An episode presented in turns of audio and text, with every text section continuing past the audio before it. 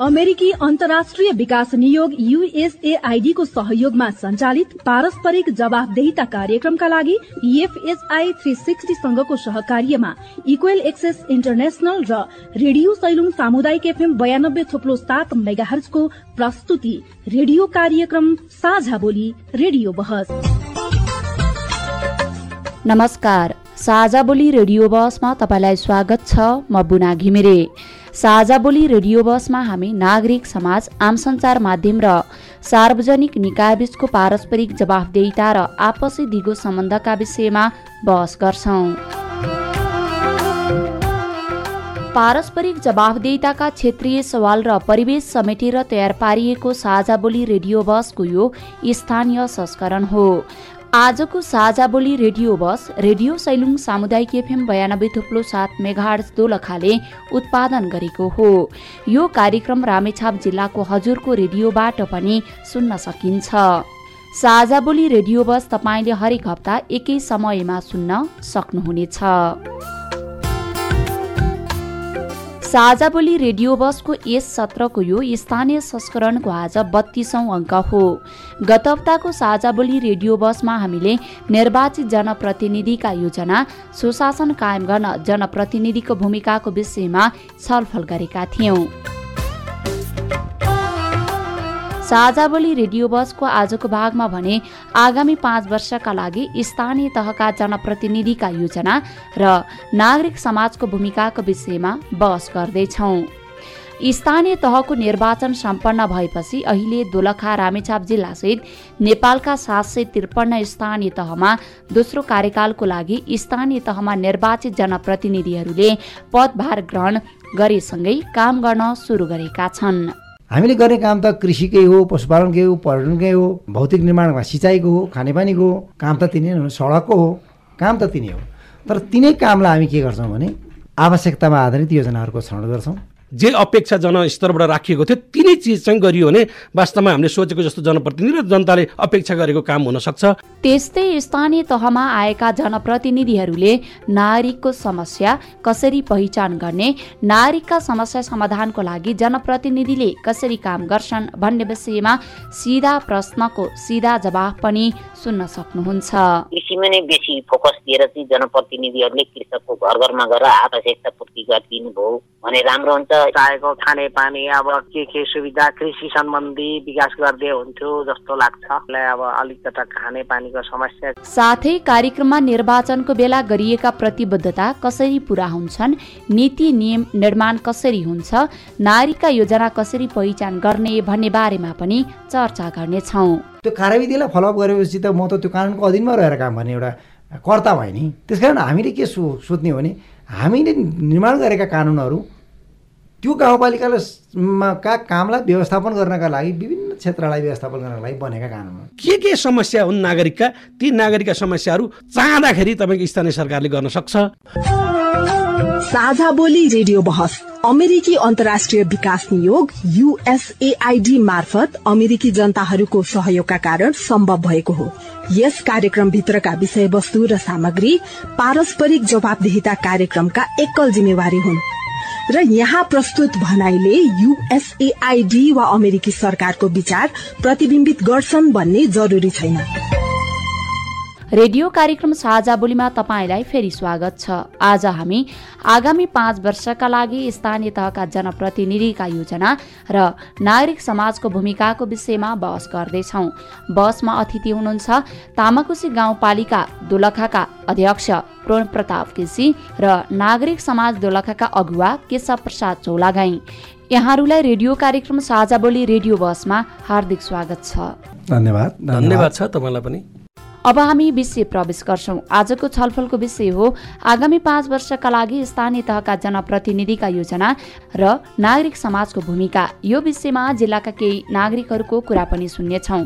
दोस्रो कार्यकालका लागि निर्वाचित भएका जनप्रतिनिधिहरूले विकास निर्माण स्वास्थ्य खानेपानी सिंचाई शिक्षा लगायतको क्षेत्रमा काम गर्ने योजना बनाइरहेका छन्। सुरुमा हामी दोलखा जिल्लाका केही नागरिकको कुरा सुन्नेछौँ। दोस्रो कार्यकालको लागि निर्वाचित जनप्रतिनिधिले कस्तो क्षेत्रलाई मध्यनजर गरेर काम गर्नुपर्छ भनेर त्यसपछि हामी छलफल गरौँ। आज खरो छलफल हुनेछ। कान थापेर सुन्नुहोला है।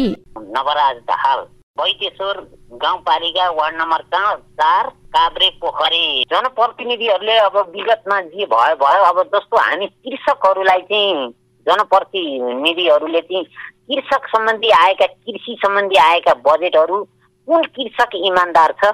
अब कुन ठाउँमा चाहिँ सही ठाउँमा कहाँ लगानी गर्नुपर्छ? कस्तो कस्तो सही काम गरिराखेका कृषकहरूलाई चाहिँ के आवश्यक छ?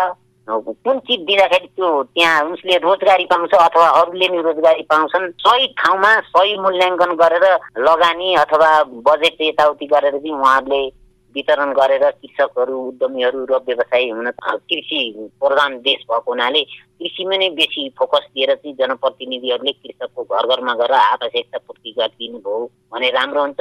ठाकुर बहादुर सुनवार मेरो नाम। हावा जरे पानी साथ। अब चाहेको खाने पानी अब के के सुविधा कृषि सम्बन्धी विकास गरिदिए हुन्थ्यो जस्तो लाग्छ। अब अलिकता खाने पानीको समस्या छ रोड छँदैछ अब। यता नि खाने पानी अब कृषितिर ध्यान दिदिए हुन्थ्यो मलजलमा। अब कृषि पाल्नेलाई सहयोग मिलिदियो मेरो नाम त नानलाल श्रेष्ठ हो। घर मेरो भिमेश्वर तल पाँच वडा नम्बर पाँच। अब जनप्रतिनिधि त के गर्दो हजुर? अब पहिले पनि के गरेर अब हामीलाई त अब त्यही त भने गाउँको मान्छेलाई अब पानीको व्यवस्था हुनु पर्यो सिँचाइको कुलो हुनु पर्यो हजुर। अब खाने पानीको व्यवस्था हुनु पर्यो बाटोघाटो त अब अहिले अब जेवस अलिअलि बनाइराखिदिएको छ। अब हामीलाई खास भनेको अब किसानलाई सिँचाइ हो हजुर। भौसिलाको ठाउँमा सिँचाइ छैन। त्यही हो। हामीले अब अहिले भनेको छौँ। म नरबाल कार्की हो हजुर। गिरी नगरपालिका नौ विकास र अलिकति जोखिम भएको ठाउँमा विकास गरिदिएदेखि गरिबलाई अलिकति के को आवश्यकता छ के छ त्यहाँ अब अलिकति जोखिम भयो घर भएको ठाउँमा त्यो राम्रोसँगले सबै गरिदिए हुन्थ्यो। मेरो नाम चाहिँ धनपति ढुङ्गेल हो। होइन विकासको लागि त के छ भनेपछि भन्दाखेरि पानीको समस्या हो बाटाको समस्या हो अब त्यो त्यस्तै किसिमका हो। अब हेर्नु अरू अब कुनै अब अपाङ्गहरू भए गर्नुपर्ने कामहरू त निकै छ नि गरेदेखि त देखा पर्ने कामहरू त। हजुर हामीले केही नागरिकको कुरा पनि सुनिसकेका छौँ। स्थानीय तहका जनप्रतिनिधिहरूले कसरी काम गर्नुपर्छ कस्तो कस्तो क्षेत्रमा चाहिँ समस्याहरू छन् भनेर नागरिकहरूले भन्दै हुनुहुन्थ्यो। अब म आजको छलफल सुरु गर्छु दोलखा तामाकुसी गाउँपालिकाका प्रमुख प्रोण प्रताप केसीबाट। प्रोण सर यहाँ तामाकुसी गाउँपालिकाको पालिका प्रमुखमा निर्वाचित हुनुभएको छ। यहाँलाई बधाई तथा सफल कार्यकालको लागि शुभकामना। धन्यवाद। अब आजको हाम्रो विषयवस्तुतिरै लागौँ। यहाँ निर्वाचित भएर आउनु भएको छ पदभार ग्रहण भइसकेको छ। अबका यहाँहरूका योजनाहरू के कस्ता छन्? कसरी काम गर्नुहुन्छ? विशेष गरी तामाकोसी गाउँपालिकाको निर्वाचन बाट हामीलाई जुन जिम्मेवारी दिनुभएको छ आम जनसमुदायले म उहाँहरूप्रति हार्दिक आभार व्यक्त गर्न चाहन्छु। र हाम्रो गाउँपालिकाको सन्दर्भमा हामीले अस्ति तेह्र गते कार्यपालिकाको पूर्णता दियौँ। र अब हामी कार्यपालिकाको पूर्णतापछि भोलि नै कार्यपालिकाको पहिलो बैठक बस्दैछौँ। र हामी यो अवधिमा निर्वाचित भएका मान्छेहरूलाई अहिले असार दस गते चाहिँ हामीले बजेट प्रस्तुत गर्नुपर्छ। र यो बजेट प्रस्तुत गर्नुभन्दा अगाडि हामीले हामी नयाँ निर्वाचित भएर आएको हुनाले यसको बजेट तर्जुमा अथवा योजना तर्जुमा को कार्यक्रममा चाहिँ स्थानीय तहका बस्ती बस्तीमा पुगेर नै हामीले योजनाको छनौट गर्नुपर्ने र त्यसलाई बजेट चाहिँ छुट्याउनु पर्ने छ। अब विषयगत चाहिँ क्षेत्रहरू छन्। शिक्षामा स्वास्थ्यमा भौतिक पूर्वाधारको क्षेत्रमा कृषि वन पर्यटनको क्षेत्रमा चाहिँ यसरी हामीले निर्वाचनको अब अवस् के अरे बेलामा पनि हामीले त्यसलाई प्रतिबद्धता पत्र भनेर हामीले सार्वजनिक गरेका छौँ। हामी यो यो क्षेत्रमा चाहिँ काम गर्छौँ भनेर। अब हामीले देखेका भन्दा बाँकी रहेका क्षेत्रहरू पनि अरूले देखेका क्षेत्र पनि हुनसक्छन् त्यसो भएर हामी चाहिँ के हो भन्दाखेरि चाहिँ हामीले नै हामी मात्रै ज्ञाता भन्ने होइन। स्थानीय समुदायले देखेका क्षेत्रहरूमा पनि हामी चाहिँ त्यसमा त्यो योजना तर्जुमा गर्ने र कार्यान्वयन गर्ने काममा लाग्छौँ। र यसो गर्दाखेरि हामीसँग केही योजनाहरू अघिल्लो गाउँपालिकाले तयार गरेका योजना र ती योजनाहरू पूर्णता नभएको अवस्थामा थप गर्नुपर्ने योजनाहरू पनि छन्। त्यसो भएर हामीले एकदम नितान्त भिन्न योजना गर्छौँ भन्ने होइन। तर हरेक काममा हामी एउटा सूत्र चाहिँ के हो भने पारदर्शितालाई अप्नाउँछौँ भन्ने हामीले सोचेका छौँ। अब जस्तो सामान्यतया कुराकानी गर्दाखेरि निर्वाचित जनप्रतिनिधिहरूका योजना भनेकै शिक्षा स्वास्थ्य विकास निर्माण केही छन्। अब यहाँहरूको पनि कार्यपालिका गठन भइसकेको छ। र कार्यपालिकाको बैठकले पनि अहिले ठ्याक्कै विकास निर्माणको योजनामा हामी निर्णय गर्दैनौँ। अहिले हामी विषयगत समितिहरू बनाउने काम गर्छौँ र त्यो विषयगत समितिहरूलाई जिम्मेवारी दिन्छौँ। र विषयगत समितिहरूले आफ्नो विषयगत समितिबाट चाहिँ उसले के योजना लिएर आउँछ त भन्ने बारेमा चाहिँ हामीले सोच त्यो विषयगत समितिहरूबाट आएका कुराहरूलाई नै हाम्रो चाहिँ पालिकाको अथवा हाम्रो चाहिँ गाउँ सभाको चाहिँ बाट त्यसलाई पास गर्छौँ अथवा बजेटमा पार्छौँ। र अर्को तपाईँले भन्न खोजेको रहेको भने ठ्याक्कै हाम्रो चाहिँ के हो त सोच भन्दाखेरि चाहिँ आखिर जनता आखिर जनता त जनतालाई त हाम्रो बालबालिकालाई शिक्षा चाहिएको छ? होइन? शिक्षा पनि हाम्रो प्राथमिकताको क्षेत्र भयो। हाम्रो शिक्षामा गुणस्तरीयता कसरी कायम गर्ने भन्ने? हामीसँग त्यो एउटा चुनौती छ। अब भौतिक पूर्वाधारमा त शिक्षामा लगभग अब हाम्रो पाहाडमा यहाँ सम्पन्न भइसकेको छ केही केही ठाउँ बाहेक। अब हामीले त्यो गुणस्तरीयताका लागि चाहिँ के गर्नुपर्छ त? गुणस्तरताको लागि लाइब्रेरी बनाइदिएर हुन्छ कि इ लाइब्रेरी बनाइदिएर हुन्छ कि कम्प्युटर चाहिँ अरूको व्यवस्था गरिदिएर हुन्छ कि अब त्यहाँ चाहिँ डिजिटल प्रविधिबाट चाहिँ पढाउने व्यवस्था गरिदिएर हुन्छ कि अब हामीले कसरी प्रविधि मैत्री शिक्षामा लाने भन्ने बारेमा हाम्रा योजना त्यता जान्छन् हिजो हाम्रो योजना पहिला पहिलाको हाम्रो योजना स्कुल घर बनाइदियो भने थियो। आज हामी अब स्कुलभित्र स्कुलभित्र बस्दा बालबालिकाले चाहिँ के प्रविधिको प्रयोग गर्दाखेरि उसले आफ्नो ज्ञान सिप क्षमताको विकास गराउँछ? भन्ने कुरामा हामी त्यसमा जोड्छौँ। त्यो क्षेत्रमा काम गर्छौँ। अब तपाईँ एउटा किसानलाई भन्ने बित्तिकै चाहिँ के हो त भन्दा किसानलाई हिजोको किसानलाई आजको आधुनिक किसान कसरी बनाउने भन्नेतिर एउटा योजना सुरु गर्नु पऱ्यो त्यो किसान कृषिको क्षेत्रमा काम गर्दाखेरि कोसँग जोडिदिनु पऱ्यो किसानसँग जोडिदिनु पऱ्यो त्यो किसानलाई चाहिँ उसलाई आर्थिक उपार्जनमा कसरी लगाउने? किसानले चाहिँ हिजोको जीविकोपार्जन मुखी चाहिँ कृषिबाट अब चाहिँ व्यावसायिक कृषितर्फ कसरी लाने भन्ने चुनौती छ त्यो काम हामी गर्छौँ। पशुपालनको क्षेत्रमा पनि त्यस्तै गर्छौँ। त्यस कारण मैले भनेको के हो भने हामीले गर्ने काम त कृषिकै हो पशुपालनकै हो पर्यटनकै हो होइन? त्यसपछि गएर चाहिँ भौतिक निर्माणमा सिँचाइको हो खानेपानीको हो काम त तिनै हो सडकको हो काम त तिनै हो। तर तिनै कामलाई हामी के गर्छौँ भने आवश्यकतामा आधारित योजनाहरूको छनौट गर्छौँ। र त्यो आवश्यकता स्थानीय समुदायलाई नै यो योजनाको गर्न लाउँछौँ र स्थानीय समुदाय मार्फतै कार्यान्वयन गर्छौँ। त्यो स्थानीय समुदायलाई परिचालन गर्ने जनशक्तिलाई परिचालन गर्ने काम चाहिँ हामी गर्छौँ।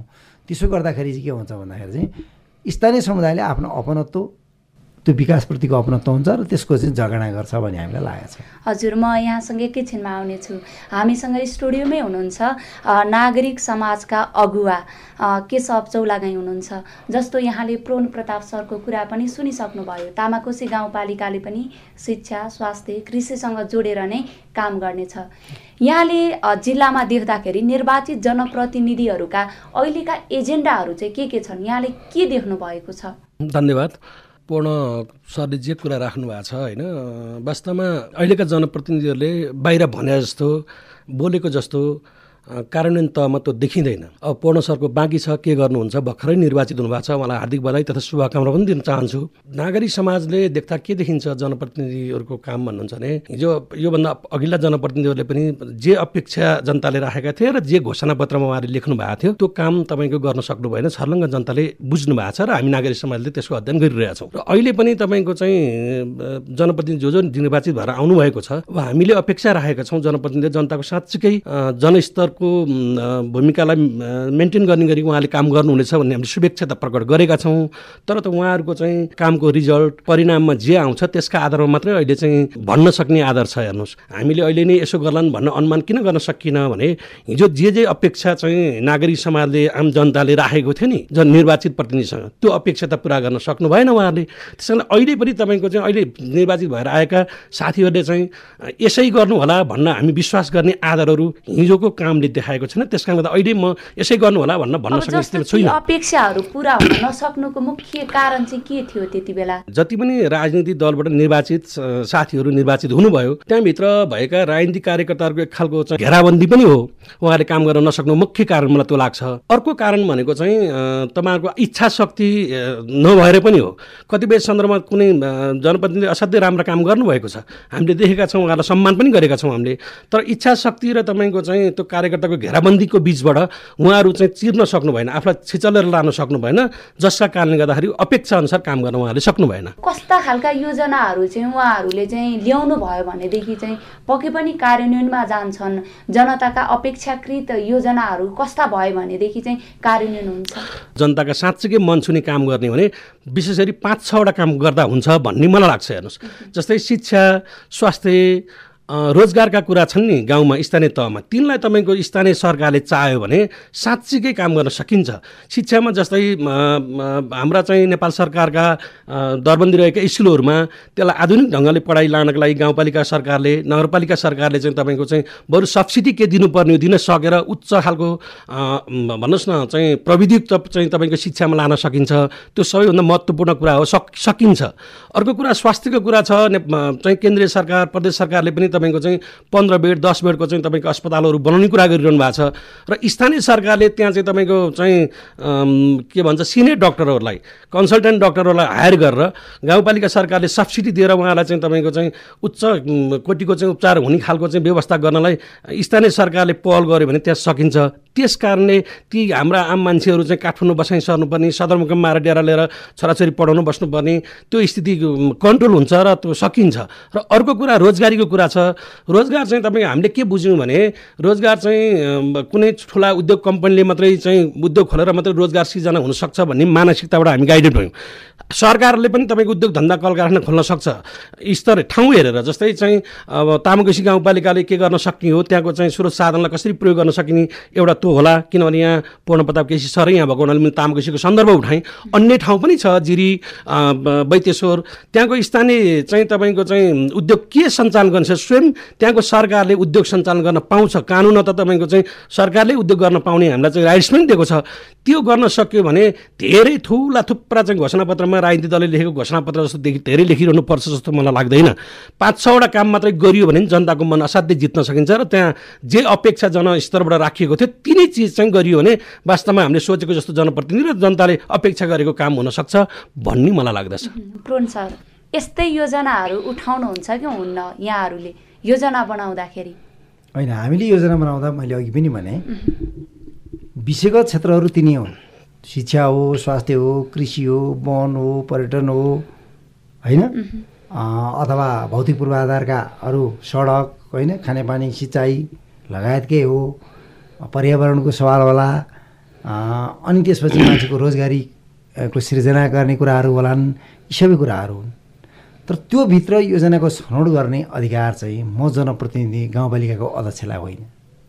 म सहजकर्ता हो। जनताबाट आएका छनौट भएका योजनालाई ती योजनामध्ये उत्कृष्ट योजना के हुन सक्छन् र यो वर्ष कति गर्न सकिन्छ भनेर त्यो जनताको साझा प्रयत्नबाट आयो भने चाहिँ त्यो हाम्रो तामाकोसीको योजना भयो। अब मैले ठानेको योजना कहिलेकाहीँ होला। म राजनीतिक चेतना राख्ने मान्छे भएको हुनाले विकासमा राजनीतिक रूपमा मेरो तामाकोसी गाउँपालिकाको सन्दर्भमा चाहिँ मैले व्यक्तिगत रूपमा मैले योगदान गर्ने कुरा के हो मैले विकास निर्माणको सहजीकरणका लागि प्रयोग गर्न सक्छु अब जस्तो? यो योजना छनौटमै पनि राजनीतिकरण हुन्छ भन्ने एक खालको स्थानीय तहका जनप्रतिनिधिहरूलाई। आरोप लाग्ने गरेको हो त्यो हुन्छ भनेर हामीले के भनेका छौँ भने हाम्रो तामाकोसी गाउँपालिकाले यसभन्दा अगाडि पनि त्यो पूर्ण छ या छैन त्यसलाई हामी हेरौँला तर यसभन्दा अगाडि पनि योजना तर्जुमा तथा मूल्याङ्कन कार्यविधि भन्ने बनाएको छ। त्यो योजना तर्जुमा मूल्याङ्कन कार्यविधि भने के? भन्दा योजना तर्जुमा गर्नका लागि को को स्टेक होल्डरहरूसँग बस्तीकोबाट कसरी योजना लिएर आउने स्टेक होल्डरहरूसँग चाहिँ स्कुलको योजना बनाउनु पऱ्यो भने त शिक्षकसँग सल्लाह गर्नै पऱ्यो त। अभिभावकसँग सल्लाह गर्नै पऱ्यो त।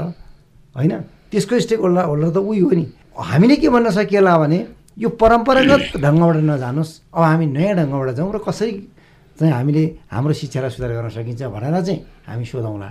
हामीले गर्ने भनेको चाहिँ उहाँहरूलाई योजना ल्याउँदाखेरि अलिकता चाहिँ आधुनिक खालको अहिलेको समय सापेक्ष। मैले यहाँसँग कुराकानी गर्नुभन्दा केही अगाडि यहाँकै स्थानीय तहका केही नागरिकहरूसँग पनि कुराकानी गरेको थिएँ। उहाँहरूको अपेक्षा यहाँहरूसँग के छ भन्दाखेरि उहाँहरूले चाहिँ खानेपानी भइदिए हुन्थ्यो पिच बाटो भइदिए हुन्थ्यो भन्ने कुराहरू गर्दै हुनुहुन्थ्यो। यी परिपूर्ति गर्न सकिन्छ कि सकिँदैन। यहाँहरूको कार्यकाल। होइन होइन सकिन्छ। तर कस्तो माग हो भन्ने हुन्छ। हामी अधिकतम रूपमा हाम्रो बजेटलाई चाहिँ पारदर्शी ढङ्गले त्यसलाई बजेट विनियोजन गर्छौँ कार्यान्वयन गर्छौँ र जनतालाई पनि त्यो बजेटलाई सही सदुपयोग गर्नुहोस् है भन्छौँ। उहाँहरूको नि भूमिका छ। अर्को खानेपानीको सन्दर्भमा चाहिँ के हो भन्दाखेरि चाहिँ त्यो जनताले आफूले खाने खानेपानी हो नि। त्यसकारण उहाँहरूकै साथमा रहेर हामी काम गर्छौँ। हो? त्यो खानेपानी होस् सडक होस् सिँचाइ होस् जुनसुकै योजना पनि पहिलो कुरा चाहिँ के हो त जनतालाई मेरो आफ्नै हो भन्ने कुरा सिकाउनु पर्ने छ। त्यसले भोलि जगेडा गर्छ। हामी पैसा त हाल्छौँ। र हामीले विकास गर्दाखेरि पाँच वर्षसम्म जनताको अपेक्षा पुरा हुन्छन् कि हुँदैन त? भन्दाखेरि म के हुन्छ भने विकासको अपेक्षा कहिले नै पुरा हुँदैन। किनभने हामीलाई त हामी युरोप जस्तो बन्नु छ नि त। त हामी युरोप जस्तो बन्न कति वर्ष लाग्छ त? लाग्छ नि त। होइन? त्यसकारण के हो भन्दाखेरि चाहिँ यो सधैँ चाहिँ आवश्यक भइरहने चिज हो। तर अहिले जनताले खोजेको खानेपानी सिँचाइ बाटो होइन? स्कुलको गुणस्तरीयता शिक्षाको गुणस्तरीयता आर्थिक रूपमा चाहिँ रोजगारीको सृजना यी खालका कुराहरूमा हामी चाहिँ बेटर काम गर्छौँ। यसको अर्थ के भने हन्ड्रेडमा हन्ड्रेड भनेको हन्ड्रेडमा सयमा सय गर्न नसक्न सकिन्छ। तर हामी अधिकतम डिस्टिङसन ल्याउने कोसिस गर्छौँ। तपाईँ अहिले पारस्परिक जवाबदेता प्रबन्धनका लागि साझा बोली रेडियो बस सुन्दै हुनुहुन्छ। हामी कुरा गरिरहेका छौँ आगामी पाँच वर्षका लागि स्थानीय तहका जनप्रतिनिधिहरूका योजना र नागरिक समाजको भूमिकाको विषयमा र हामीसँग छलफलमा हुनुहुन्छ दोलखा तामाकोसी गाउँपालिकाका अध्यक्ष प्रोन प्रताप केसी र नागरिक समाज दोलखाका अगुवा केशव प्रसाद चौलागाई। स्थानीय तहमा अहिले नयाँ जनप्रतिनिधि निर्वाचित भएर काम सुरु गरेका छन्। कतै कतै नयाँ अनुहार त कतै पुरानै अनुहार जनप्रतिनिधिमा निर्वाचित भएका छन्। नयाँ जोस जाँगर र भिजनसहित आएका जनप्रतिनिधिले अहिले शिक्षा स्वास्थ्य विकास निर्माणका क्षेत्रलाई प्राथमिकतामा राखेर काम गर्ने बताएका छन्। निर्वाचित नयाँ जनप्रतिनिधिहरूले जनताको अपेक्षा अनुसार काम गर्नुपर्छ भन्ने विषयमा हामी सहमत भएका छौँ। साझा बोली रेडियो बसमा अझै हामी स्थानीय तहमा गएर काम गरिरहँदा अघिल्लो स्थानीय तहका जनप्रतिनिधिहरूले सुरु गरेका कामहरू कसरी पुरा हुन्छन्? स्थानीय तहमा आर्थिक वर्षको योजना निर्माण गर्दा कस्ता योजनाहरू प्राथमिकतामा राखिन्छ भन्ने विषयमा घनीभूत रूपमा छलफल गर्नेछौँ। रेडियो कार्यक्रम साझा बोलीमा तपाईँ अहिले आगामी पाँच वर्षको लागि स्थानीय तहका जनप्रतिनिधिहरूका योजना र नागरिक समाजको भूमिकाको विषयमा सवाल जवाब सुन्दै हुनुहुन्छ।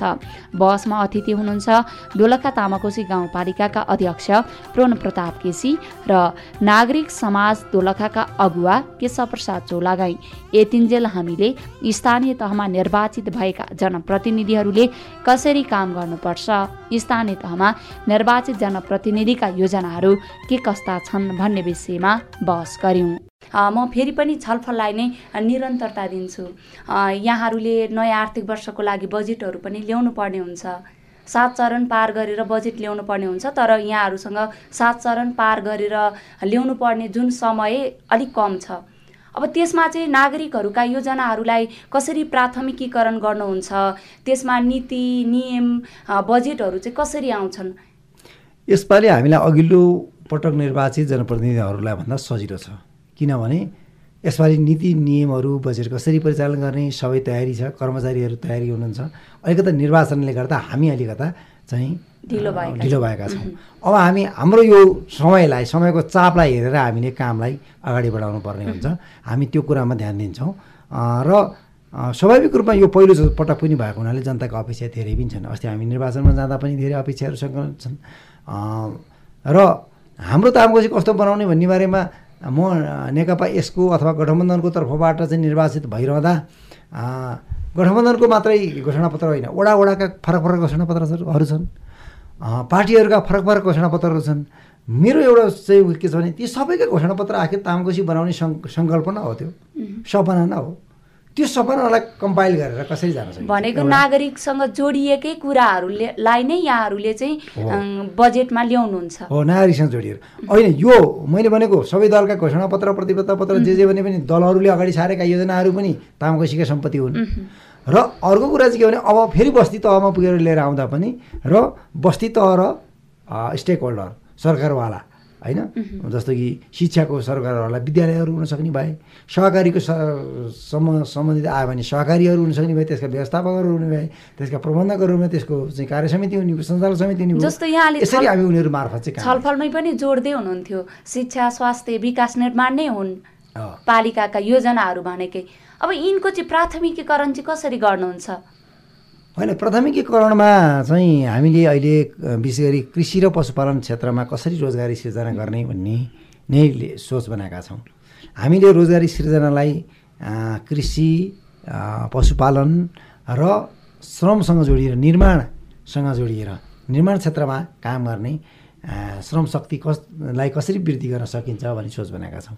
अहिले हामीसँग चाहिँ के हो भने एउटा मिसिनरी वाल लगाउनु पऱ्यो भनेदेखि चाहिँ हामीसँग जनशक्ति छैन। अथवा थोरै छ।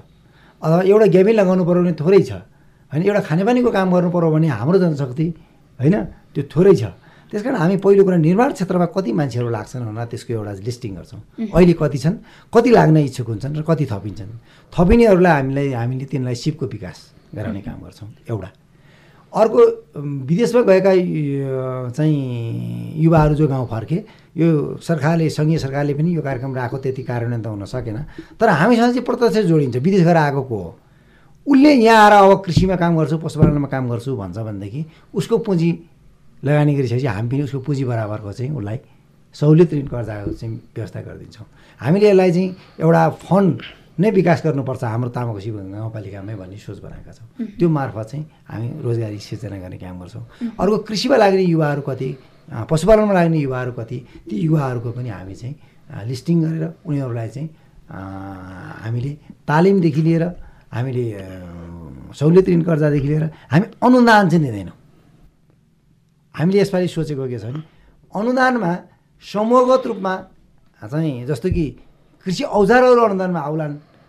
तर अनुदान चाहिँ बाख्रा पाले बापत भैँसी पाले बापत के पाले बापत भनेर हामी दिँदैनौँ मासु बेचे बापत अनुदान दिन्छौँ। मासु बेचे बापत अनुदान दिन्छौँ। दुध बेचे बापत अनुदान दिन्छौँ। उत्पादन हुनु पऱ्यो नि।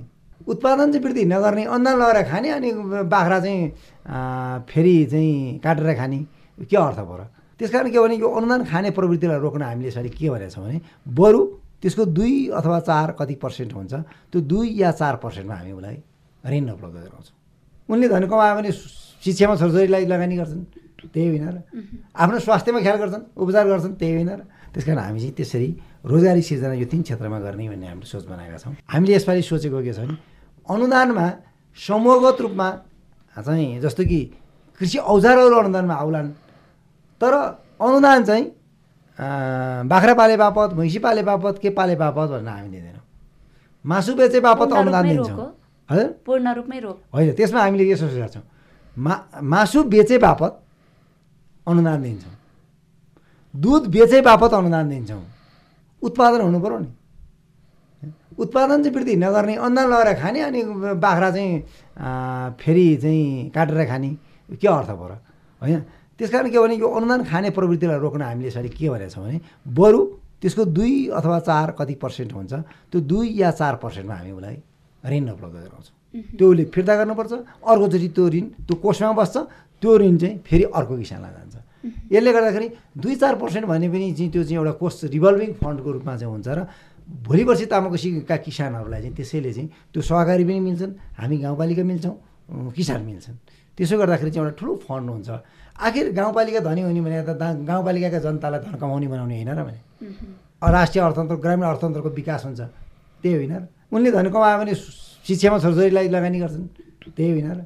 आफ्नो स्वास्थ्यमा ख्याल गर्छन् उपचार गर्छन्। त्यही होइन र।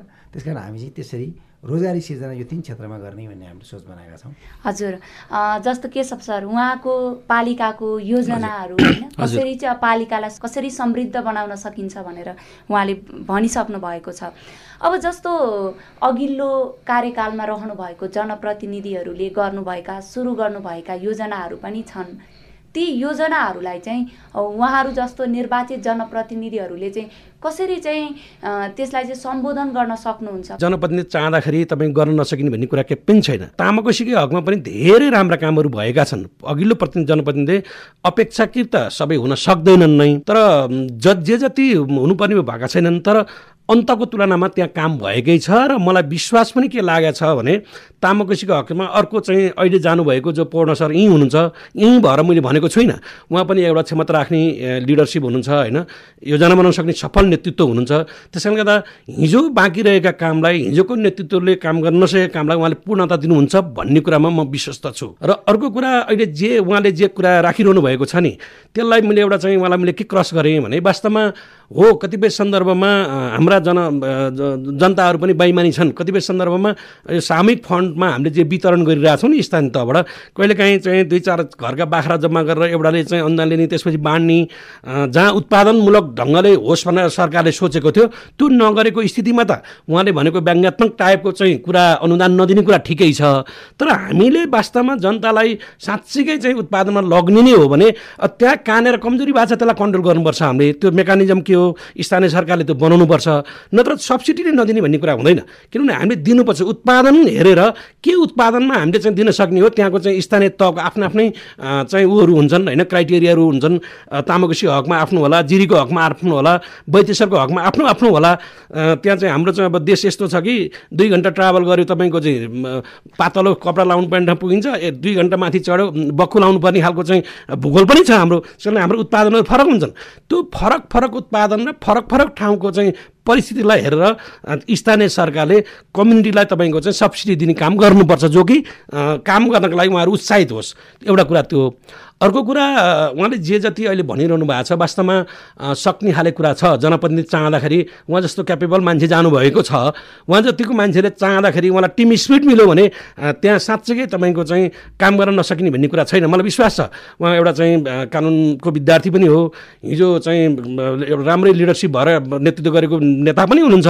र अहिले जनताले त्यही नेतृत्व भए बाबत जनताले निर्वाचित पनि गर्नुभयो। मैले अघि पनि उहाँलाई शुभकामना दिइसकेको छु। र उहाँ जत्तिकै उहाँले जे राख्नु भएको छ साँच्चै साँच्चीकै उहाँले चाहिँ त्यो टिमले सपोर्ट गर्यो भने तामगसीको जनताले भनेको जस्तो चाहिँ विकास पुग्छ होला भन्ने मैले अनुमान गर्न सक्दछु। अब अब जस्तो विकास निर्माण अथवा चाहिँ योजनाहरू बनाउँदाखेरि नागरिकका समस्याहरू चाहिँ उहाँहरूले कसरी पहिचान गर्नुपर्ने यहाँले देख्नु भएको छ? यस्तो छ धन्यवाद छ। नागरिकहरूको पहिचान चाहिँ उहाँहरूले उहाँहरू लोकल लेभलको राजनीति गर्ने नेताहरूलाई नागरिकको समस्या वास्तवमा थाहा हुनुपर्छ। नत्र लोकल लेभलको लिडर कसरी हुन सक्नुहुन्छ? लोकल लेभलको लिडरसिपले नागरिकका समस्याहरू थुप्रै छन्। असाध्यै धेरै छन् नागरिकहरूका समस्याहरू। ती सबै समस्यालाई वान टू वान गरेर त हल गर्न सकिँदैन। तर त्यसलाई हामीले एउटा चाहिँ फ्रेमवर्कमा राखेर फ्रेमवर्कमा राखेर के के गर्न सकिने हो सबै त स्थानीय सरकारले गर्न सक्दैन। जस्तै उहाँले भने जस्तो स्थानीय सरकारले चाहँदैमा सबै मोटर बाटाहरू पिच गर्न सकिन्न।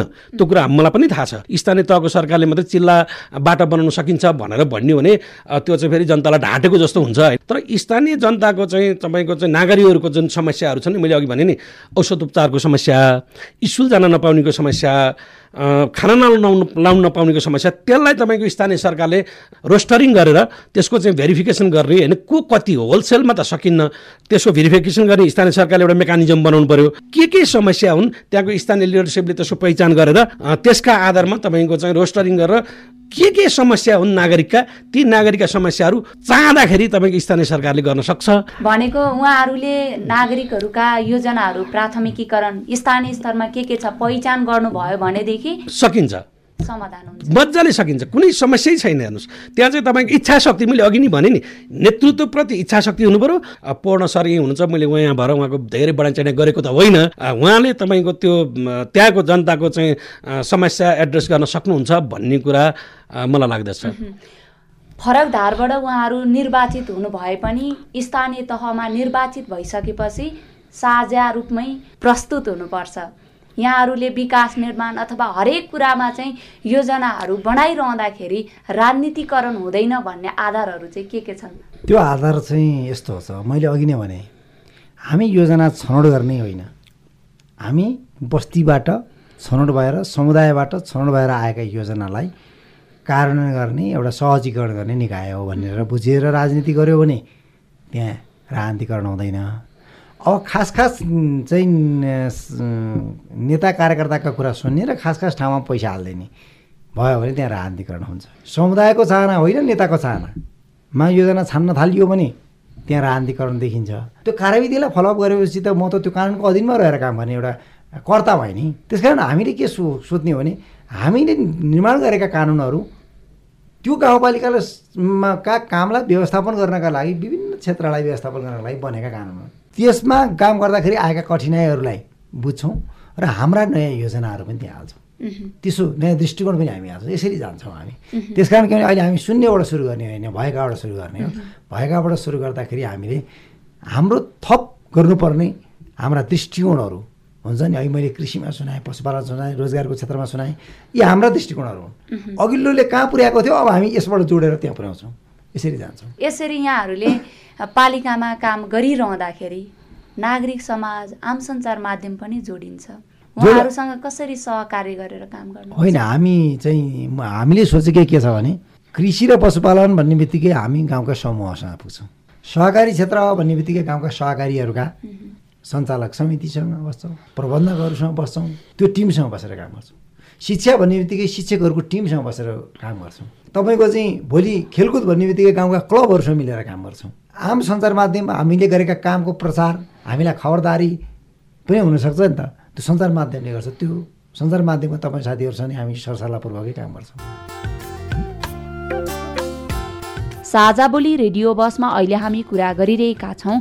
आगामी पाँच वर्षका लागि स्थानीय तहका जनप्रतिनिधिका योजना र नागरिक समाजको भूमिकाको विषयमा र हामीसँग छलफलमा हुनुहुन्छ दोलखा तामाकोसी गाउँपालिकाका प्रमुख प्रोन प्रताप केसी र नागरिक समाज दोलखाका अगुवा केशव प्रसाद चौलागाई यतिन्जेल हामीले स्थानीय तहमा निर्वाचित जनप्रतिनिधिहरूले जवाबदेही पारदर्शी ढङ्गले काम गर्नुपर्छ र सुशासनलाई पहिलो प्राथमिकतामा राख्नुपर्छ भन्ने विषयमा सहमत भएका छौँ। साझा बोली रेडियो बसमा अझै हामी स्थानीय तहलाई जवाबदेही पारदर्शी बनाउन नागरिक समाज आम सञ्चार माध्यमको भूमिका कस्तो हुन्छ?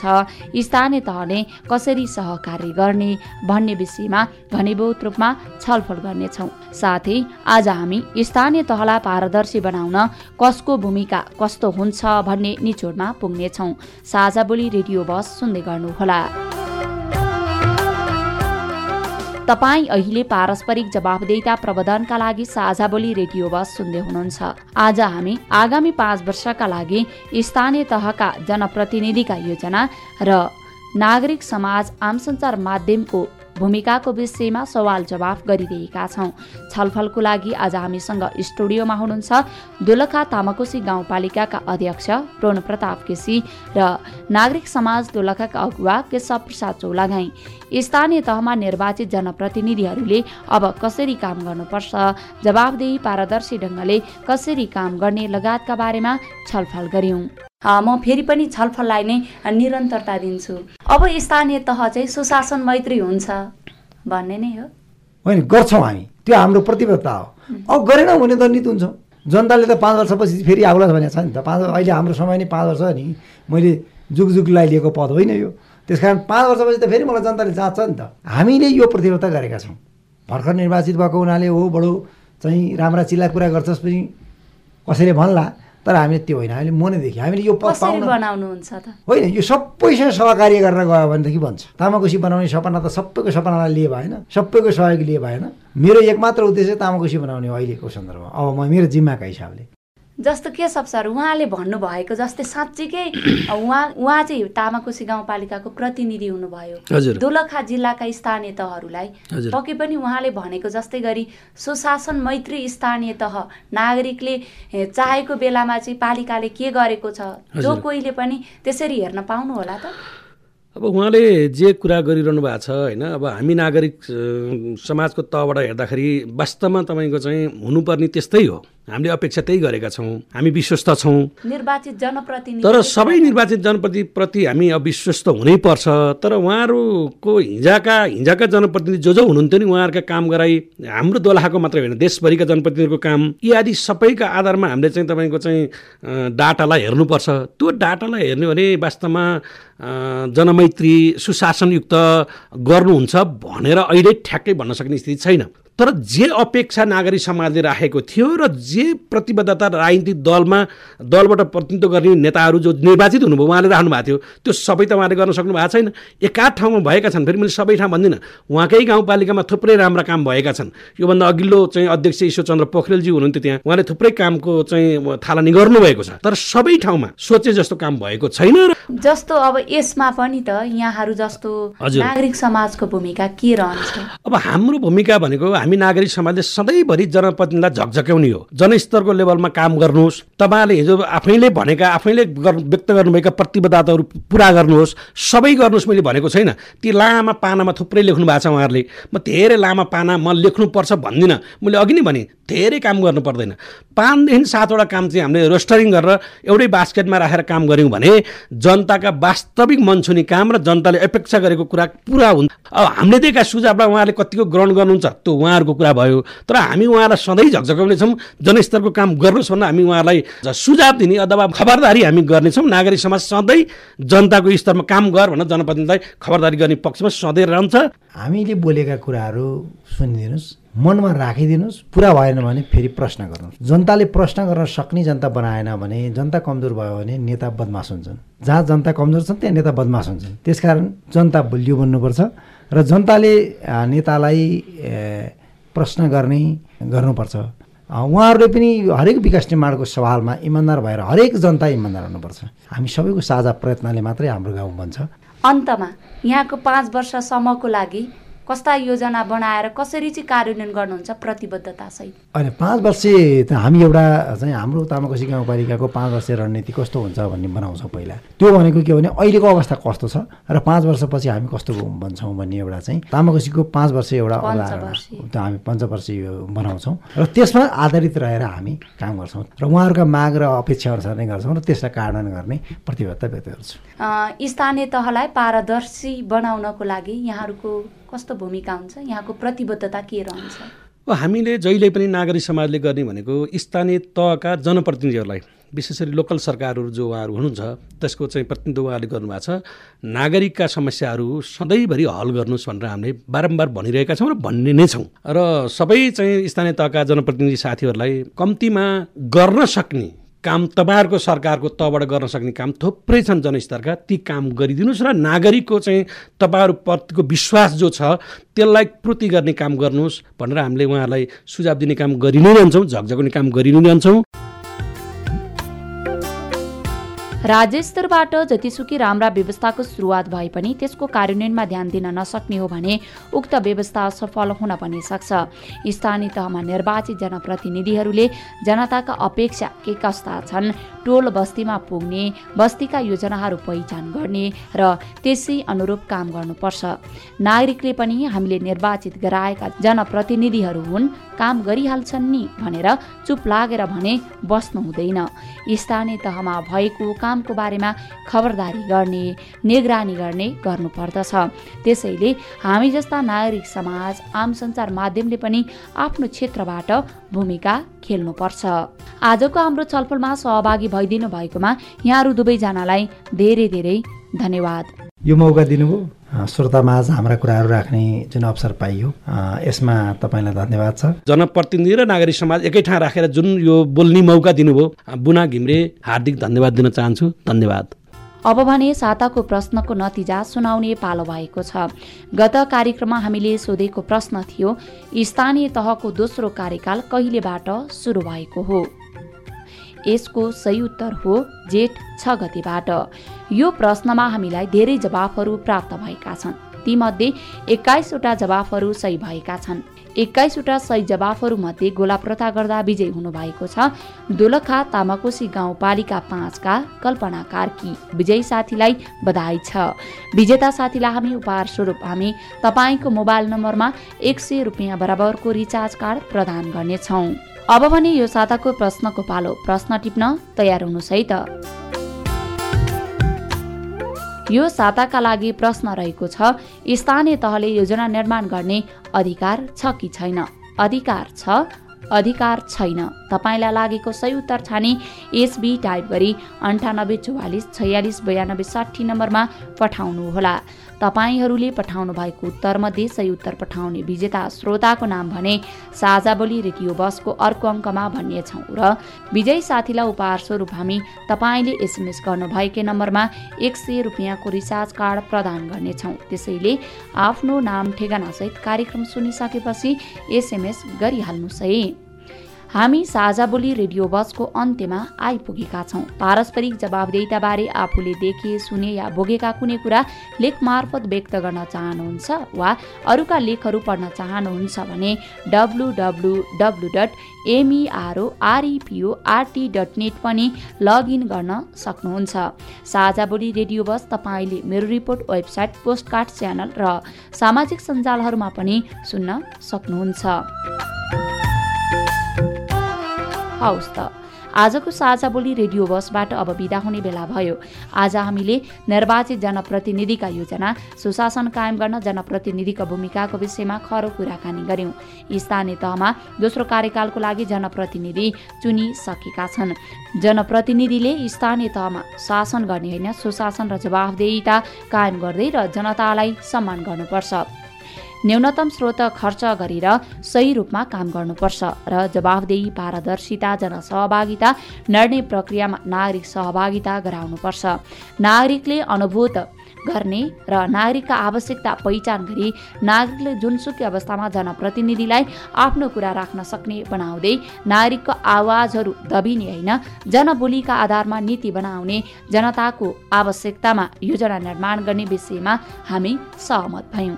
आजका हाम्रा अतिथि दोलखा तामाकोशी गाउँपालिकाका अध्यक्ष प्रोण प्रताप केसी र नागरिक समाज दोलखाका अगुवा केशव प्रसाद चौलागाईले पनि भएका नीति नियममा रहेर काम गर्ने प्रतिबद्धता जनाउनुभयो। आशा छ यी प्रतिबद्धताहरू पुरा हुनेछन्।